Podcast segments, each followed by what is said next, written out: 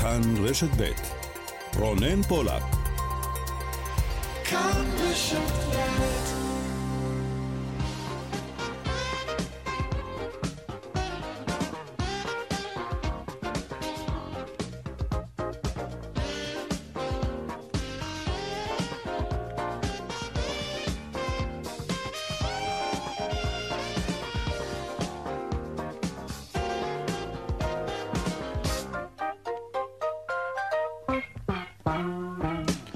עכשיו ארבע ועוד חמש דקות, צבע הכסף, התוכנית הכלכלית כאן ברשת ב', שלום לכם ותודה שאתם איתנו. סוער היה היום בוועדת החוקה של הכנסת, בדיון שעסק בהארכת חוק הקורונה. בדיון הזהיר משרד הבריאות כי המגפה חיה ובועטת וכי היא אינה בדעיכה, ובמהלך הדיון הזה התפרצה אחת המוזמנות לדבריו של שר הבריאות הורוביץ, ואמרה כי אין בכלל מגפה. וכשיש אה, מגפה, והיא מגפה קשה, ממיתה גם, והיו לנו עד עכשיו בארץ יותר משמונת אלפים... גברתי, לא, לא, לא, לא, גברתי, שנייה, השר. גברתי, גברתי, גברתי בוועדה הזו, סליחה, לא, לא, שנייה. תודה. לא, לא, גברתי, אני מבקש שתצאי. זה לא רק בישראל, זו תופעה בינלאומית של אה, אמירות מהסוג הזה. איזו מגפה? אין בכלל מגפה. אין קורונה. אין כלום. אין כלום, אין מגפה, אמרה הדוברת שהתפרצה, ולא סתם דוברת, מדובר באישה שהוזמנה היום לדיון בכנסת. היה לה אישור, היא קיבלה תג, והיא אף הייתה אמורה לקבל את זכות הדיבור. שר הבריאות הורוביץ, שמענו, הוא מיהר להגיב על הדברים ואמר, זו תופעה בינלאומית של אמירות מהסוג הזה. וזה נכון, אלו אמירות שהן חלק מתופעת הפייק ניוז בוואטסאפים, ברשתות החברתיות של מיעוט, שהוא גם אה, די קולני. אבל כשהם מצליחים להגיע לפריים טיים של הכנסת, ולא בפעם הראשונה, זה כבר הרבה יותר חמור. מפיקת התוכנית היום יעל שקד, טכנאי השידור אריאל מור, אני רונן פולק, המייל שלנו כסף כרוכית כאן.org.il. אנחנו מיד מתחילים.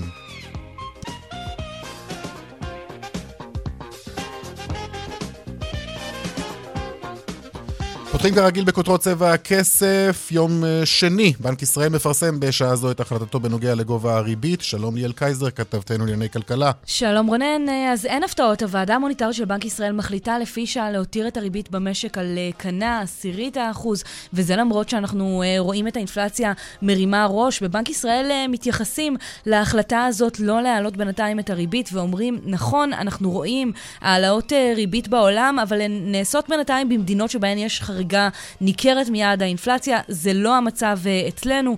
בנק ישראל גם uh, מתייחס לעובדה שהשקל uh, נסחר חזק מאוד בתקופה האחרונה, הדולר נחלש, האירו נחלש, ובבנק מבהירים שתוכנית רכישת מטבע החוץ, תוכנית רכישת הדולרים של 30 uh, מיליארד דולר שהשיקו בתחילת הקורונה, אמנם הסתיימה בחודש שעבר, אבל מבהירים, זה לא היה איזשהו רף עליון, הבנק ימשיך להתערב בשוק, בשוק המטבע ככל שהוא יראה צורך בכך.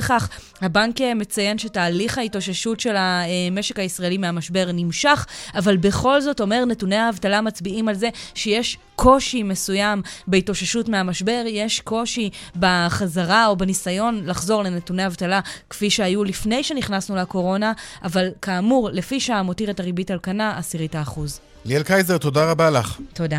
פוענח רצח יזם הנדל"ן אלדד פרי, המשטרה הגישה הצהרת תובע נגד חשוד ברצח. שלום דניאל אלעזר, כתבנו. שלום רונן, כן, המשטרה פענחה את הרצח אה, של אלדד פרי בחודש שעבר של יזם הנדל"ן, כשמי שחשוד אה, ברצח הזה הוא דניאל קדר, אחד הלקוחות אה, שרכש שתי דירות מאלדד פרי, והוא למעשה נמצאו מספר ראיות, ביניהן ראיית זהב שקושרת אותו ישירות לרצח, וזה הבדיקה של המעבדה, תוצאות בדיקת המעבדה הבליסטית של האקדח. שנתפס לאחר מכן גם אה, בביתו של אה, דניאל אה, קדר, זה האקדח למעשה שהוא ירה באלדד פרי. בנוסף נמצאו ראיות נוספות כמו האופנוע הדי ייחודי מסוג קוואסקי, שאליו איתו הוא למעשה נסע ורצח את אלדד פרי. הוא עצמו ממשיך לשתוק בחקירה שלו, בהתחלה כשהוא עוד סיפק גרסה. כן. הוא נתן איזושהי אליבי שגם אותו הצליחו להפריך, ובתוך אה, מספר ימים יוגש נגדו כתב אישום. דניאל, תודה לך. ועדת הכספים של הכנסת אישרה את החוק להעלאת מס הרכישה על דירה שנייה לקראת uh, קריאה שנייה ושלישית. החוק יועבר uh, כהוראת uh, שעה לשלוש שנים, מיד נעסוק בכך. נמשכת ההתאוששות במשק, כך קובע סקר כוח אדם של הלשכה המרכזית לסטטיסטיקה. על פי הסקר ירדה האבטלה בחודש שעבר ל-7%. שלום אה, דני ירקצי, כתבתנו. שלום רונן. נכון, אה, יש ירידות אה, בשיעורי האבטלה ממש בכל הפרמטרים, גם בשיעור האבטלה הרחב. וגם בשיעור האבטלה הצר, בשיעור האבטלה הרחב, אה, הוא ירד ל-7% לעומת חודש ספטמבר, אז עמד על 7.9 עשיריות האחוז. אה, בשיעור האבטלה הצר, שכולל רק את הבלתי מועסקים או כאלו שנעדרו זמנית מעבודתם בגלל הקורונה, הוא ירד ל-5.6 עשיריות האחוז בחודש אוקטובר, מ-6% ועשירית בחודש ספטמבר. אנחנו רואים את זה ממש בכל הפרמטרים, גם בקרב הבלתי מועסקים. ראינו ירידה מתונה, וזה כמובן סימן טוב לנושא שיעור האבטלה. בהחלט. דנה, תודה בשלב זה. תחזרי אלינו עוד uh, מעט, ממש. ועוד uh, בצבע הכסף uh, בהמשך, uh, ידיעה שאמורה להטריד כל תושב כמעט בארץ, לפחות את uh, מחצית מהתושבים בארץ. Uh, דוח של רשות להגנת הפרטיות מגלה כמחצית מהרשויות, 48 אחוזים, עמדו ברמה נמוכה בהוראות חוק הגנת הפרטיות בנוגע לאבטחת מידע. זה מטריד, נדבר על כך, וגם הדיווח בשוקי הכספים כרגיל לקראת סוף התוכנית, צבע הכסף עד חמש, אנחנו מיד ממשיכים.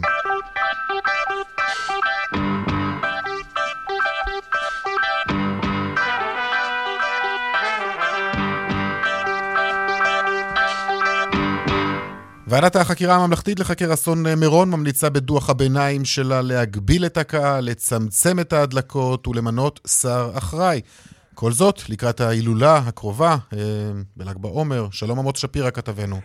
כן, שלום רונן, וזה יקרה בעוד אה, חצי שנה. חצי שנה לפני ההילולה כבר מפרסמת בצהריים ועדת החקירה הממלכתית דוח ביניים שבו המלצות שנוגעות רק להילולה הקרובה, ולכן אין כאן אה, אחראים בדוח הזה ואין כאן אה, אשמים, אלא המלצות שממוקדות לבעיות המרכזיות שבהר מירון, מי האחראי, הצפיפות, במפגעים הרבים שבהר. וההמלצה הראשונה היא לממשלה למנות מיד שר שיהיה אחראי להילולה הקרובה ושיהיה אחראי על, בין השאר על מתווה ההילולה, על תוכנית ההיערכות, על חלוקת התפקידים, תחומי האחרויות וכל אה, אה, הדברים הנוספים אה, לכך. המלצה נוספת נוגעת לתשתיות ולמפגעי הבטיחות שבהר, לערוך סקר בטיחות עדכני ולהכין תוכנית לשיפור התשתיות, כך גם לפנות את כל מי שמחזיק שלא כדין בשטחים אה, בהר, לא לאפשר בהילולה הקרובה לפחות הקמת אוהלים אה, ומבנים יבילים וגם לינה בכלל בהר, לא להקצות שטחים למתחם המשפחות. וגם להגביל את מספר השוהים בהר בעת ובעונה אחת. הוועדה אומרת שיש לקבוע מספר יעד, כך היא קוראה לזה. ההערכה היא שמדובר על כ-20 אלף בני אדם. עכשיו, סוגיה שהיא מאוד קריטית, וזה היה צפוי גם שיקרה, נושא ההדלקות. הוועדה ממליצה על הדלקה מרכזית אחת, קצרה, של האדמו"ר מבויאן, ולא הרבה יותר אה, מכך. זה עוד דרך בעצם להפחית את ההתקהלויות בהר ואת הצפיפות. המלצה נוספת, שזה גם על הרציונל הזה, לא לאפשר השנה חלוקת אה, מזון אה, בהר, ואומרים חברי הוועדה בדוח שלהם, השינויים נועדו לשמור על ביטחון הציבור, בבחינת ונשמרתם מאוד לנפשותיכם. זו שעת רצון, ואנחנו מקווים שהממשלה תזכה לשיתוף פעולה ביישום ההמלצות לאלתר. דוח הביניים של הוועדה, ועדת החקירה הממלכתית לחקר אסון אה, מירון. תודה, אמוץ שפירא. בבקשה. טוב, עניינים אה, נדל"ן עכשיו. אה, ועדת הכספים של הכנסת אישרה את החוק להעלאת מס הרכישה על דירה שנייה, דירה נוספת, לקראת קריאה שנייה ושלישית. שלום, דנה ירקצי, כתבתנו. כן, שלום רונן, הדבר הזה קורה אחרי עיכוב משמעותי אה, בכל זאת, החוק הזה עדיין לא חוקק, אמנם אושר בוועדת אה, הכספים לקראת קריאה שנייה ושלישית, אבל בסוף חודש אוקטובר הציגו השרים אלקין, שקד וליברמן תוכנית להורדת מחירי הנדל"ן, ובין התוכניות הייתה העלאת מס הרכישה. הם אמרו באותה מסיבת עיתונאים שהם יזרזו את החקיקה הזאת תוך עשרה ימים כדי לא להביא להסתערות של אה, משקיעי הנדל"ן, ולמרות זאת הדבר לא קרה בגלל התמהמהות בוועדת הכספים, בגלל חילוקי דעות בין חברי הוועדה, עד כמה החוק הזה באמת יביא להורדת המחירים או להרחקת המשקיעים, או רק אה, י- יגדיל את קופת אה, המדינה. והיום משתתפת השרה שקד בכנס פסקד, פסגת הנדל"ן במלון דיוויד אינטרקוניננטל, ונשאלה מדוע הממשלה מציבה יעדים, אבל בפועל נותנת אור ירוק למשקיעים להסתער אה, על השוק. ובואו נשמע מה היא ענתה. אנשים לא קונים דירה תוך שבועיים. בדרך כלל. המטרה באמת זה קצת אה, להוריד את הביקושים, ואני רואה שאנשים חושבים שכן קונים דירה תוך שבועיים. כן, אוקיי. כן, אחלה. מפרגנת לכם. כלל הפעולות זה הגדלה משמעותית של ההיצע. אני גם יותר מאמינה בזה, פחות במשחקים הביקושים. אנחנו מגדילים משמעותית את ההיצע. כן, אז כמו ששמעת, כן. היא ניסתה להגיד לקהל שמה, רק שבועיים? מי קונה דירה תוך שבועיים? למרות שאתה יודע, אנשים כבר, ברגע ששמעו על החוק הזה, כבר אנשים mm-hmm. הסתערו על השוק. אז כל בכירי ענף הנדל"ן קמו על רגליהם ואמרו... מה זאת אומרת? בוודאי, כן? צוחקו, צחקו, צחקו, גיחכו. זה קצת, אתה יודע, קצת מוזר שמי שאמור לדאוג להורדת מחירי הנדל"ן לא באמת יודע מה קורה בשוק הנדל"ן ואומר אה, משפטים כאלה, וצחקו, והיא גם צחקה ואמרה שהיא מפרגנת להם. Mm-hmm. היא אמרה שהמצב של שוק הנדל"ן רע בגלל השיתוק הפוליטי, והיא מקווה שהמדינה תצליח לשווק 80 אלף יחידות דיור, אבל בניגוד אליה, שר השיכון אלקין, שגם הוא השתתף בכנס, דיבר על מספרים אחרים לגמרי. בוא נשמע. אנחנו חצינו השנה, בניגוד אפילו לציפיות הכי אופטימיות שלנו, רף של 90 אלף שיווקים, ויש סיכוי טוב שאנחנו נסיים את השנה עם 100 אלף שיווקים. צריך להבין מה המשמעות של המספר הזה. מספר שיא של מדינת ישראל בשנה הכי טובה שכחלון היה שר האוצר היה 70 אלף. זאת אומרת שאנחנו השנה ורוב מוחלט של המספרים האלה זה בחצי שנה, כי היו מספרים מאוד נמוכים עד שהוקמה הממשלה. אנחנו השנה נעבור 90 אלף, ובסיכוי טוב ובמאמץ נתקרב ל-100 אלף שיווקים בשנה. כן, לא בפעם הראשונה אנחנו שומעים את אלקין אומר את הדברים האלו, לדעתי הוא, מנפ... הוא, הוא מתחת לכל עץ רענן הוא מנפנף נכון, את המספרים האלה. נכון, מנסה לנפנף ולהצדיק למה בעתיד... Mm-hmm. אה, הלא קרוב, ככל הנראה המחירים ירדו. אז היום, סוף סוף בוועדת הכספים מסכימים, מגיעים להסכמות. בין ההסכמות שהגיעו לנושא של העלאת מס הרכישה, דובר על כך שהחוק יהיה בהוראת שעה לשלוש שנים ולא בהוראת קבע. מעבר לכך עלתה דרישה לרווח את מדרגות המס לרוכשי דירה ראשונה כדי לה, להקל על הזוגות הצעירים, ועוד דובר על כך שהחוק לא יחול על משקיעים שנמצאים במסגרת חוק עידוד השקעות הון. דנה, תודה. תודה, רונן. שלום לך, אה, מנכ"ל חברת הבנייה אזורים, אה, אה, רון אבידן, שלום. שלום רונן, שלום למאזינים. תגיד, עוד לפני הכל, אתה, גם אתה היית היום בוועידת הנדל"ן, נכון? גם אני הייתי היום בוועדת הנדל"ן. גם אתה היית בין אלה שככה גיחכו לשם הדבריה של לא שרת לא הפנים, שאנשים לא, לא קונים לא. דירות להשקעה בתוך שבועיים? לא נכחתי בפאנל של, של שרת הפנים. בטח שאין מקום לגחך על נושא שהוא כל כך uh, כבד משקל, אבל לא, המשקיעים, אבל המשקיעים, אתה, קוראים, אתה, כן. משקיעים קוראים את המפה ומגיבים מהר, כן? מה, באמת? בתוך שבועיים? תראה, המשקיעים אני... לא, הגיעו, לא הגיעו אתמול. לא, נכ... אה, זה נכון, אבל אה, נניח שישנם כאלו שעכשיו שומעים שבתוך זמן קצר המס על המשקיעים יעלה. אתה רואה מצב של, של, של סגירת עסקאות בתוך תקופה כזאת קצרה? בהחלט.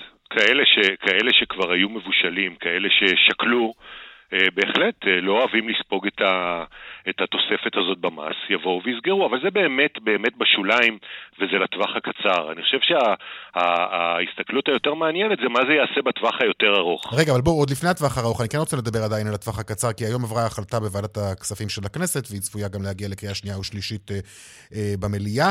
ואני תוהה אם זו החלטה שמייצרת הרבה עבודה במשרדי המכירות שלכם, רגע לפני כניסתה של ההחלטה הזאת לתוקף? בהחלט.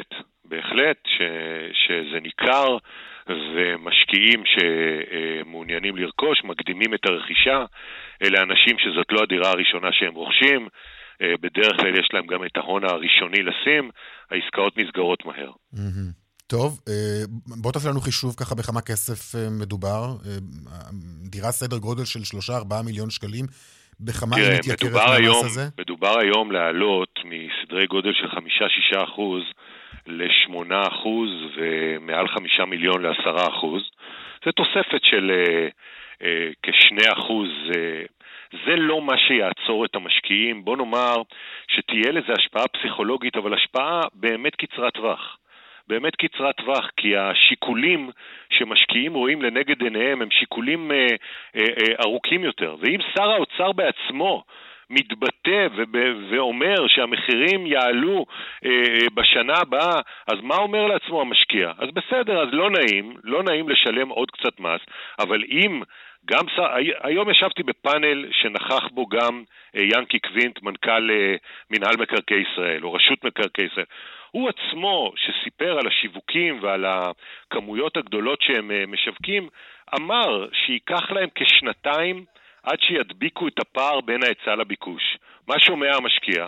הוא מבין שכל עוד הפער הזה לא ייסגר, המחירים ימשיכו לעלות. עכשיו, אם אני מבין נכון, המטרה היא כמובן להוציא את המשקיעים אה, מהשוק. צריך להוציא אותם משם? לדעתי זו טעות. אם יוציאו, נניח ובאמת יצליחו להוציא את המשקיעים אה, מהשוק כפי שהצליחו אה, להפחית את המשקל שלהם בפעם הקודמת. צריך לזכור... בתקופת כחלון. נכון. צריך לזכור שמשקיעים מספקים היצע דירות להשכרה. בפעם הקודמת, כשהמשקיעים הוכרזו כאויבי העם, המשקיעים פשוט הדירו את רגליהם מהשוק, הלכו וקנו דירות בוורשה, בברלין, בבודפשט, וכמות הדירות שהיו פנויות להשכרה פחתה. צריך לזכור עוד דבר, מחירי הדירות אכן עלו השנה, ובשנתיים האחרונות מחירי השכירות עלו בהרבה פחות. אם ההיצע, אם ההיצע של הדירות הפנויות להשכרה יקטן, שכר הדירה יעלה. המשקיעים שקונים את הדירות לא קונים אותם כדי להחזיק אותם ריקות, הם קונים אותם והם משכירים אותם. וכאן תהיה פגיעה בהיצע הדירות להשכרה, כשמנגד כמות הדירות שהממשלה משווקת להשכרה ארוכת טווח לא עונה על הביקושים. ואז אנחנו נקבל עלייה של שכר הדירה. שמענו לאחרונה, הזכרת את הדברים של ליברמן, אה, שדיבר ממש לפני כמה ימים. הוא העריך שמחירי הדירות ימשיכו לעלות גם בשנה הבאה, סדר גודל של 6% כמדומני הוא דיבר על כך. זה הצפי? נכון. תראה, כל עוד אין טיפול שורש בבעיית ההיצע, לא, ב, לא בביקושים, המס הזה שדיברנו עליו מנסה לפגוע בחלק מהביקושים, אבל את הטיפול העמוק צריך לעשות בצד ההיצע, בזמן שלוקח להשאיר טבעות, תוכניות בניין עיר, בזמן שלוקח להוציא היתרי בנייה. זה יפה מאוד שהפוליטיקאים מתחרים ביניהם מי אומר מספר יותר גבוה של שיווקים, 80 אלף, 90 אלף, 100 אלף, אבל זה לא מספיק. קרקע לא מספיקה כדי לבנות דירה. כדי שאפשר יהיה לבנות דירה, צריך תשתיות שאליה, שאליהם הבניין צריך להתחבר, צריך בתי ספר, צריך גני ילדים, צריך קופות חולים. את זה לוקח זמן לייצר. הם חייבים לטפל בהיצע ולא רק בשיווק הקרקעות. Mm-hmm. שיווק הקרקעות הוא התחלה של תהליך, אבל הוא, זה לא מספיק, וגם המשקיעים וגם השוק בכלל יודע את זה שזה לא מספיק. אוקיי, עכשיו אני רוצה לשאול אותך, אתה יודע, בסופו של דבר אי אפשר להתעלם מהעובדה שאתה בעל עניין, כמובן, אה, בענף הזה. מעניין אותי לדעת, כלומר, אתה רוצה לראות מצב שבו מחירים, אה, מחירי הדיור יורדים, אה, נשארים במקום, או שאולי טוב לך לראות את המחירים עולים? יזמים מחפשים בראש ובראשונה ודאות, מחפשים יציבות ומחפשים כמה שפחות מאבקים מול בירוקרטיה. אני לא צריך שהמחירים ימשיכו לעלות, ואני לא, זה נכון שאני בעל עניין, אבל צריך לזכור שחברה כמו אזורים, שבונה אלפי דירות, על כל דירה שאני מוכר, אני צריך ללכת ולקנות קרקע לדירה כדי לייצר. כך שזה לא, זה לא שאני מחפש שמחירי הדירות יעלו, ההפך. אגב, זה נכון, שאתם, זה נכון שאתם רוכשים דירות במחירים הרבה יותר גבוהים מירקן? לא הבנתי את השאלה, שאתם סליחה. רוכשים, סליחה, קרקעות במחירים הרבה יותר גבוהים? כן, אה, ברור. ברור, הקרקעות מתייקרות כתגובה. שההצעות שאתם נותנים הן הרבה יותר גבוהות ממה שהיה מתבקש? אבל זה, זה, לא, זה לא יותר ממה שמתבקש, זה עניין של תחרות, והתחרות הזאת מושפעת בראש ובראשונה מההיצע המוגבל. אנחנו מגיבים למצב שוק, וכשאנחנו מוכרים, השנה מכרנו כבר מעל אלף דירות. אני צריך כרגע לקנות קרקע לאלף דירות נוספות. ברור שאני צריך לשלם היום יותר מאשר שילמתי בעבר, וזה מכיוון שלא מתמודדים באמת עם בעיית ההיצע. אוקיי, נסתפק בדברים האלו. רון אבידן, מנכ"ל אה, אזורים, תודה רבה לך. תודה רבה לכם. להתראות. עכשיו נדבר על זווית נוספת הקשורה לבנייה בכלל ולביקושים אה, לנדל"ן. נדבר על מה שקורה מתחת לבנייני המגורים. אתם יודעים, יש תשתיות שלמות, מערכות תקשורת וגם ביוב, וככל שנבנים עוד ועוד בניינים, וגם האוכלוסייה מן הסתם גדלה, כך גם האתגרים עבור תשתיות הביוב הולכות ונעשות מורכבות יותר ויותר. שלום לך, מרק, מרק אוקו, מנכ"ל איגודן. איתנו? לא, אז עוד רגע הוא יהיה אה, איתנו, השיחה איתו אה, התנתקה, אבל אתם יודעים, זה נושא שאף פעם לא נעים לדבר אליו משום מה. אה, הצרכים האלה שיש לנו, תרתי משמע. אבל יש, כן, יש מערכות ביוב שאמורות לשרת הרבה יותר אזרחים היום, והם יצטרכו לשרת הרבה יותר אזרחים מן הסתם בעתיד, בתוך 10-20 שנה, וגם העיסוק בתשתיות האלו, העיסוק הזה הוא מאוד מאוד מורכב, והוא הופך להיות מורכב יותר ויותר. איתנו על קו הטלפון עדיין? לא. טוב, אז בואו ניתן קודם כל דיווחי uh, תנועה, אוקיי? דיווחי תנועה.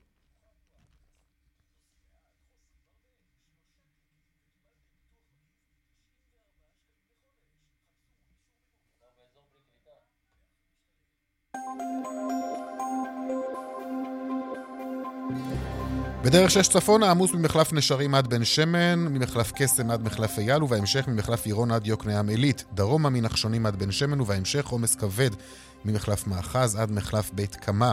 בדרך החוף צפונה עמוס מווינגייט עד נתניהו, ובהמשך ממחלף חבצלת עד מחלף אולגה. דיווחים נוספים בכאן מוקד התנועה כוכבית 9550 ובאתר שלנו בואו נצא לפרסומות וננסה לחדש את הקשר עם, ה... עם מנכ"ל איגודן, ואם לא, נמשיך בכל מקרה בתוכנית. כבר חוזרים. ארבע וחצי עכשיו אה, כאן ברשת ב', צבע הכסף. נדבר עכשיו על מזכר ההבנות ההיסטורי שנחתם היום בין ישראל לירדן בתחום האנרגיה. הוא מצטרף אלינו מדובאי, מנכ"ל משרד האנרגיה ליאור שילת. שלום לך. שלום רונן, ערב טוב מדובאי. מוקדם יותר, אתם חתמתם על ההסכם הזה שם בדובאי, הסכם שאמור להיות ווין uh, ווין מה שנקרא. מה אנחנו מרוויחים? מה הירדנים מרוויחים? בוא ספר לנו בכלל על ההסכם. טוב, אז ההסכם, כמו שציינת, נחתם לפני uh, מספר שעות כאן באקספו בדובאי. Uh, מהצד שלנו חתמה עליו כמובן uh, שרת האנרגיה קארין אלהרר, שהובילה את uh, עבודת המטה בנושא הזה. מצד הירדני חתם שר המים, וגם מהצד האמירתי חתמה שרת האקלים, וגם אה, ג'ון קרי, השליח המיוחד של, אה, של ארצות הברית לנושא האקלים, נתן את חסותו האמריקני לשעבר, נכון. לשעבר, כן. נכון, כן. ברח uh, באירוע.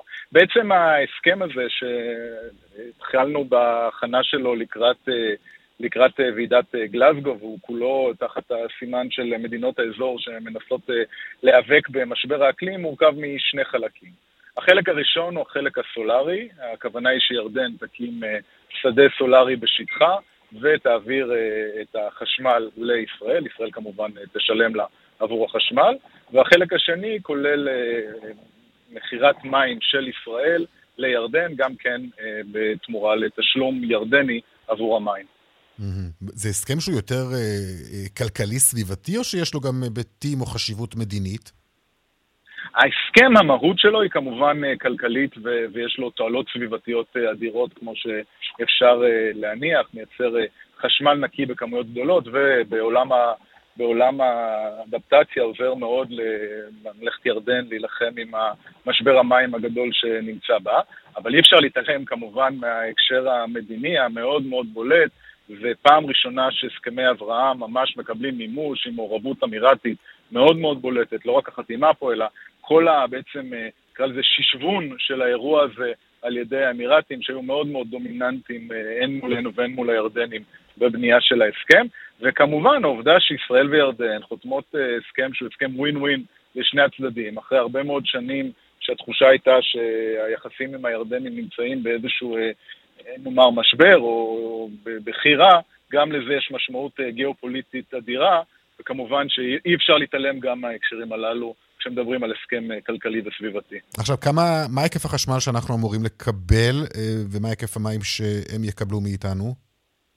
אז אה, כרגע אנחנו נמצאים רק באיזשהו שלב של בחינה של הנושאים הללו.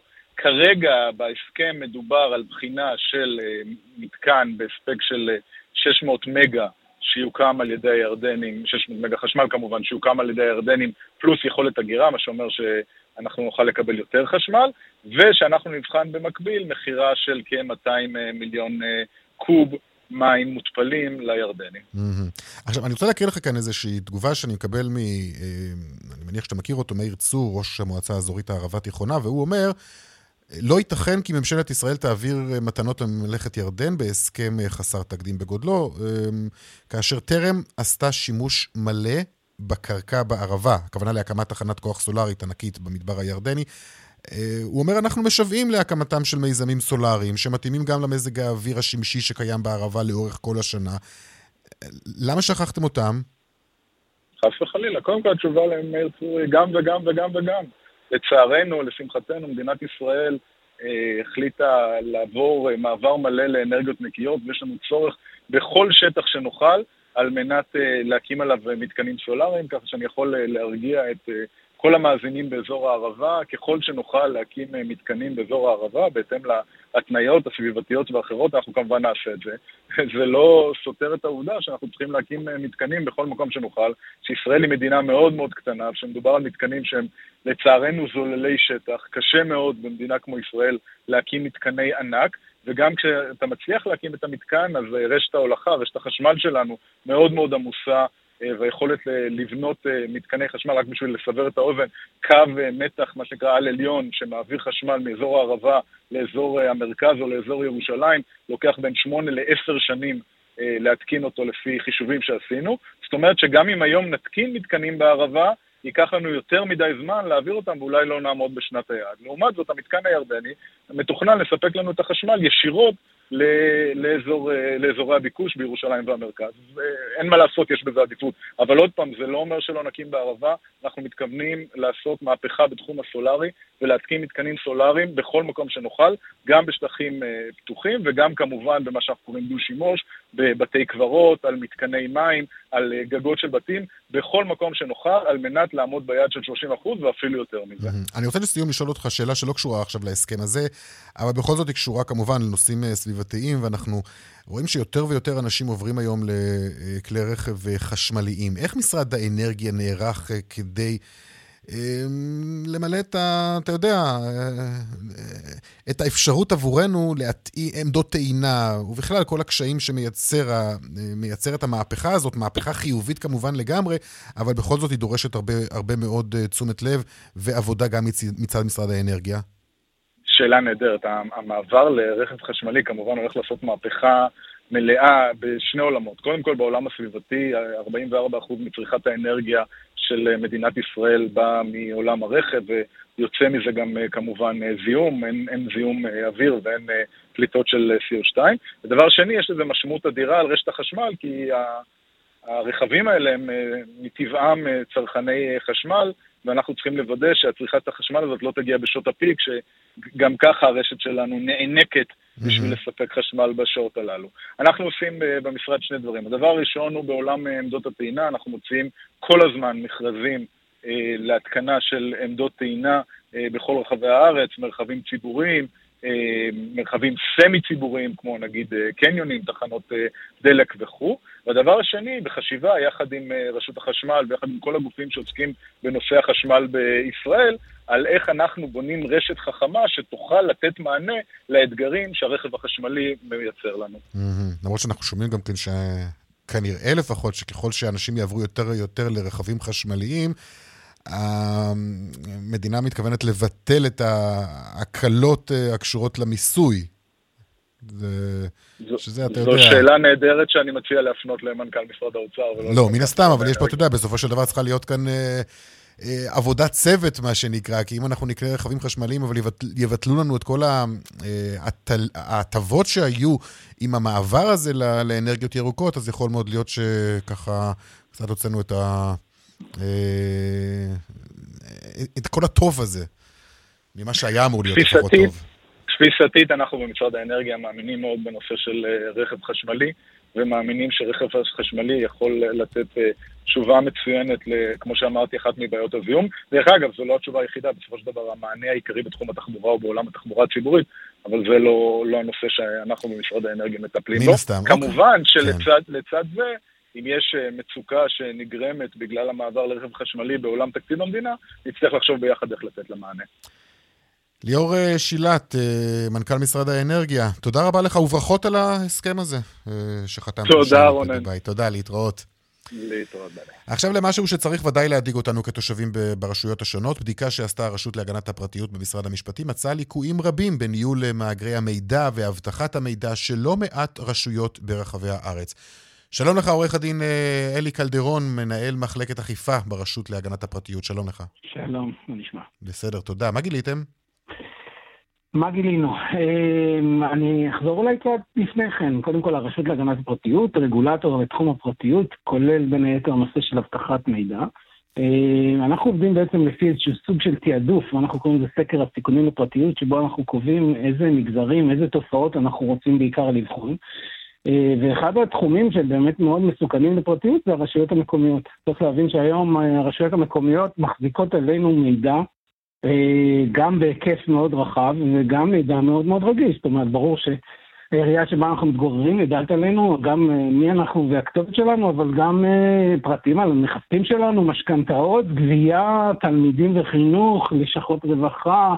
ייעוץ פסיכולוגי, ייעוץ סוציאלי, אפשר להבין שבעצם המידע הזה הוא מאוד מאוד רגיש. זה כל המידע הזה ש, שהרשויות מחזיקות על, עלינו, נכון? נכון, נכון, מכוח חוק. שמע, זה מידע שהייתי מצפה שאתה יודע, ישמרו עליו בכספות. אז קודם כל החוק קובע שאכן מי שמחזיק מידע כזה, בוודאי מידע שמוחזק על ידי גוף ציבורי, בוודאי מידע בהיקפים כאלה וברגישות כזו, מחויב לפי החוק והתקנות באבטחת המידע. בעצם אנחנו נתנו להם את המידע הזה כנאמנים כדי שיטפלו בנו לצורך הטיפול בתושבים, ובמסגרת לא, גם יגנו עליהם. והמידע הזה לא נשמר היטב, זה מה שאתה אומר. אז מה שאנחנו עשינו זה אנחנו באמת פנינו ל-70 אה, רשויות מקומיות ברחבי הארץ, לפי כל מיני קריטריונים, שגם אה, כן. פיזור גיאוגרפי, סוציו-אקונומי וכדומה, כדי באמת לבחון את הסיכונים הפרטיים. והמטרה של המסמך הזה, צריך להבין, היא כפולה. אחד, אנחנו מנסים לעשות, זה סוג של מחקר, זה גם אה, תהליך משלים למחקר שביצענו וגם הוצאנו מדריך לעיר החכמה, שהעברנו את זה לכל הרשויות המקומיות ובהם הנחינו אותם והסברנו להם איפה הסיכונים הגדולים וכדומה. אז אנחנו באמת באים לבדוק את המצב. ודבר שני, אנחנו ממש, את הגופים שבדקנו, אנחנו ממש מעבירים להם במידה ונמצא, ואכן נמצא. בכולם, אני אגיד, ליקויים, אנחנו מעבירים להם אה, הנחיות לתיקון ליקויים וככה כבר מראש אה, מעלים את רמת ה... אה, במקרה הזה אנחנו מדברים בעיקר על אבטחת מידע, אבל זה לא רק אבטחת מידע. זה כל מה שקשור לטיפול במידע, וגם הבקרה הארגונית בארגון. גם, ואופן, גם מצלמות, נכון? גם מצלמות, ניהול מאגרי המידע, ניהול על ידי מיקור חוץ. נושא המצלמות הוא מעניין, כי באמת אנחנו יודעים היום שבמרחב הציבורי, אה, העיריות שמות מצלמות, אה, בעיקר לצרכים ביטחוניים, אבל לפעמים משתמשים, או לצרכים של חנייה ותחבורה בתנועה בנתיבים הציבוריים וכדומה. אנחנו יודעים שבפועל, אה, ואנחנו הנחינו את הרשויות לדוגמה לעשות, יש להן כל מיני הנחיות, הן אומרות לפרסם את העובדה שיש מצלמות באזור הזה, כל מיני דברים כאלה, לפרסם את זה גם באתר שלהם וכדומה. אנחנו גילינו שבאמת רק בערך חצי מהרשויות עושות את ה... אה, שימוש בהנחיות שלנו, זאת אומרת עומדות בהנחיות. אה, ומקרים, וכאילו מידע בעיניי יותר מטריד זה אפילו נושא של אבטחת מידע, כשאנחנו גילינו שבאמת חצי מהרשויות עמדו ברמה בינונית ונמוכה בהוראות של החוק בנוגע לאבטחת מידע. עכשיו, שזה די מדהים, אתה יודע, בסופו של דבר כולנו רואים באיז, באיזו סביבה אנחנו נמצאים, וכמה אה, תופעת הסייבר אה, נכנסת לחיינו, והיא תוקפת בתי חולים, וחברות, ועסקים, נכון. ובתים, ו... ויש כאן רשויות מקומיות, שאתה אומר, מחצית מהרשויות לא שומרות כמו שצריך על המידע המאוד רגיש עלינו שנמצא אה, ברשותם. אתה יודע גם לאפיין את הרשויות האלה? רשויות קטנות, חלשות, כאלה שיש להם, אין להם? אז קודם כל כן, והכל באמת גם מפורסם בדוח שלנו שנמצא באתר של הרשות, ובאמת כולם מוזמנים אה, לראות ובעצמם לראות את המידע הסטטיסטי הזה, אבל כן. קודם כל, אני אגיד שאותנו זה מטריד מאוד. מחצית מהרשויות עומדות ברמה נמוכה בהוראות החוק. זה אומר שהיום האקרים אה, שיגיעו לרשויות האלה, וצריך להבין, האקרים, לא משנה מאיפה הם מגיעים, אה, רובם לא מאוד מתוחכמים, הם לא עכשיו עושים איזה ספיר פישינג ומחפשים את מנכ"ל העירייה כדי לבצע איזה תהליך מתוחכם של גניבת... לא. הם יורים לכל הכיוונים, הם מרססים על כל הדלתות שהם יכולים למצוא, ואם יש דלתות פתוחות, הם פשוט נכנסים. ובמקומות שבהם לא שומרים טוב על אבטחת המידע, הדלתות פתוחות וזה המצב, זה מאוד מטריד אותנו. בטח שזה מטריד. אנחנו- עכשיו, אתם מצפים שהם יעשו משהו עם המידע הזה שהועבר לרשויות? בוודאי, החוק קובע שכל מי שמחזיק או מנהל בעל מאגר מידע חייב לפי חוק אה, לשמור על המידע ולעמוד בתקנות. ובמצב הזה שאנחנו מוצאים גופים שלא עומדים, מבחינתנו הם מפרי חוק, ואכן יש תהליכי אכיפה מנהלית שאנחנו מבצעים גם כנגד גופים שלא עומדים בדרישות החוק. אנחנו יכולים לקבוע להם, אה, אה, אה, כמובן שהם הפרו את החוק, אנחנו יכולים לתת להם הנחיות לתיקון ליקויים. אנחנו כרגע אה, מאוד שמחים על תהליך של תיקון החוק, שבמצבו היום לא מאפשר לנו להטיל עיצומים, אבל ברגע, הוא כרגע הוא יושב בוועדת שרים לענייני חקיקה, זאת אומרת אושר, ואנחנו מאוד מקווים באמת, לאור העובדה שכולם עכשיו סוף סוף מבינים דברים שאנחנו אומרים הרבה זמן לגבי הגלפים האלה שאנחנו רואים כל הזמן, זה יאפשר לנו להטיל עיצומים, לייצר הרתעה אמיתית אה, ותמריצים לא רק אצל הגופים הציבוריים, דרך אגב, גם הגופים הפרטיים שגם הם מחזיקים מידע רגיש ואנחנו רואים שגם הם לפעמים לא יודעים לשמור עליו. אוקיי, טוב, אמ, אין ספק, נושא מאוד מטריד, ואנחנו מקווים שהרשויות אכן יעשו את מה שהן צריכות אה, ומה שהחוק מחייב אותן לעשות. מדובר ברשויות שיודעות טוב מאוד איך להגיע אלינו עם כל חיוב וכל הוראת תשלום, אמ, אבל דווקא כאן הן אה, קצת אה, חוסכות עלינו. חוסכות אפילו הרבה. אה, תודה רבה לך, עורך הדין אלי קלדרון, מנהל מחלקת אכיפה ברשות להגנת הפרטיות. תודה לך. תודה לך, רונן. ביי.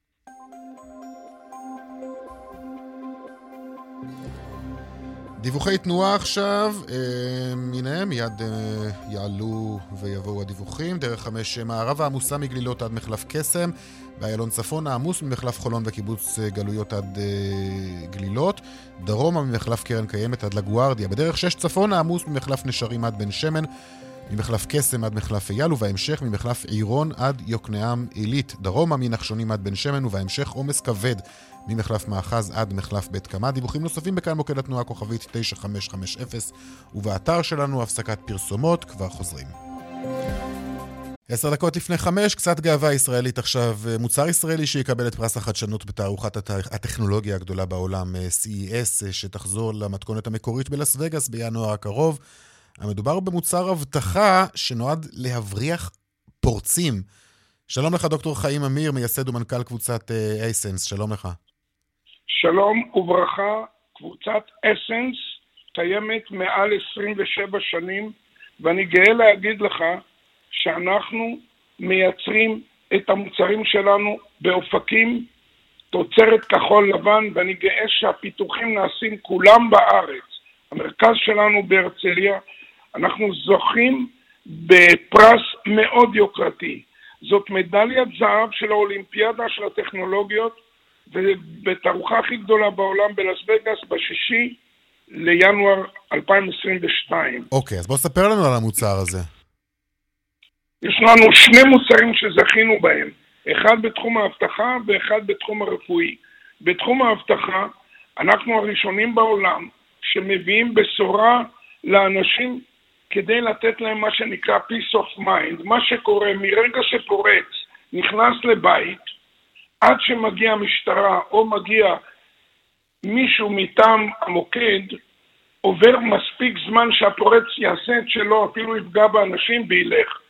אנחנו תוך דקה מונעים את הפגיעה גם ברכוש וגם באנשים על ידי מוצר שממסך את החדר וגורם למצב שהפורץ לא רואה שום דבר והוא מהר מאוד יוצא.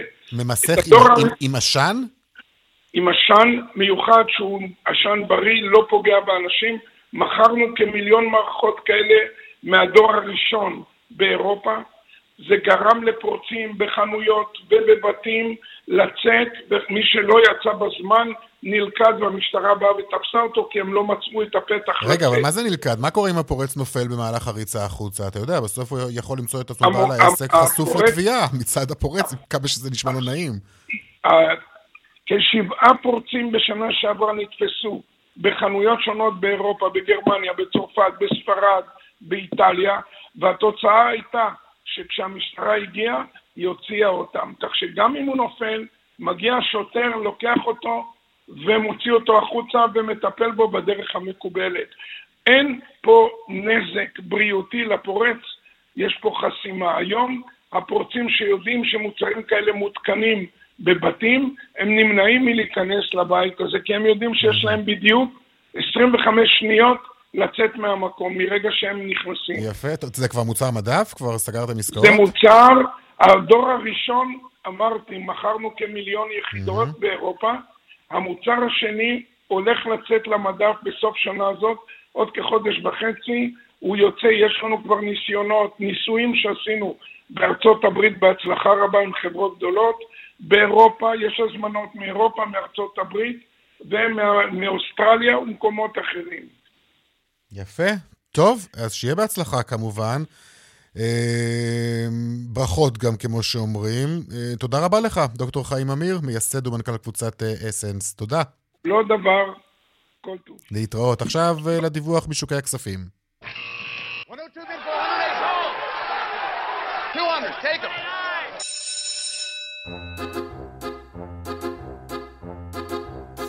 שלום רואה החשבון אמיר אייל, יושב ראש אה, קבוצת בית ההשקעות אינפיניטי, שלום. שלום, שלום רונן. אז מה היה לנו היום? אז זהו, כמה דברים מאוד מעניינים. קודם כל, אה, יש לנו אה, הכרזה של הנשיא ביידן על ג'רום פאוול, הנגיד הקיים של הבנק המרכזי, שימשיך לקדנציה שנייה. זה גורם לעליות שערים אה, בוול סטריט. זה גם גרם כאן לקפיצה במניות הבנקים, שעלו כמעט 2.5%. איך ששמעו את ההודעה, כי בעצם זה אומר שהמדיניות תימשך כפי שהיא, וזה יציבות וזה טוב, לה, אה, לפי מה שרואים המשקיעים, למערכת הבנקאית ולפיננסית. בכלל, הבורסה פה אה, בעליות שערים היום, גם בגלל שנגיד הבנק המרכזי כאן אמר שהריבית תישאר אותה ריבית, כמעט אפס, לא תשתנה גם בישראל. מדד 35 עולה בלמעלה ממחצית האחוז, מדד ה-90 עולה בשבע עשיריות, וכמו שאמרתי, הבנקים בכמעט 2.5 אחוזים. אה, כמעט כל המדדים אה, למעשה בעליות אה, שערים, והאווירה היא מאוד חיובית. הדולר, 3, אני מזכיר, 3.09. עלה קצת. כן, אבל טיפה. זה עדיין, הלח... הלחצים עליו, עליו לטובת השקל אה, עדיין אה, נשארים, נראה מה יקרה באמת אה, בימים הקרובים, אבל בנק ישראל ימשיך להתערב כאן כדי לשמור על שער שלוש, אחרת זה ירד מתחתיו. וול סטריט עולה חצי אחוז ב-S&P.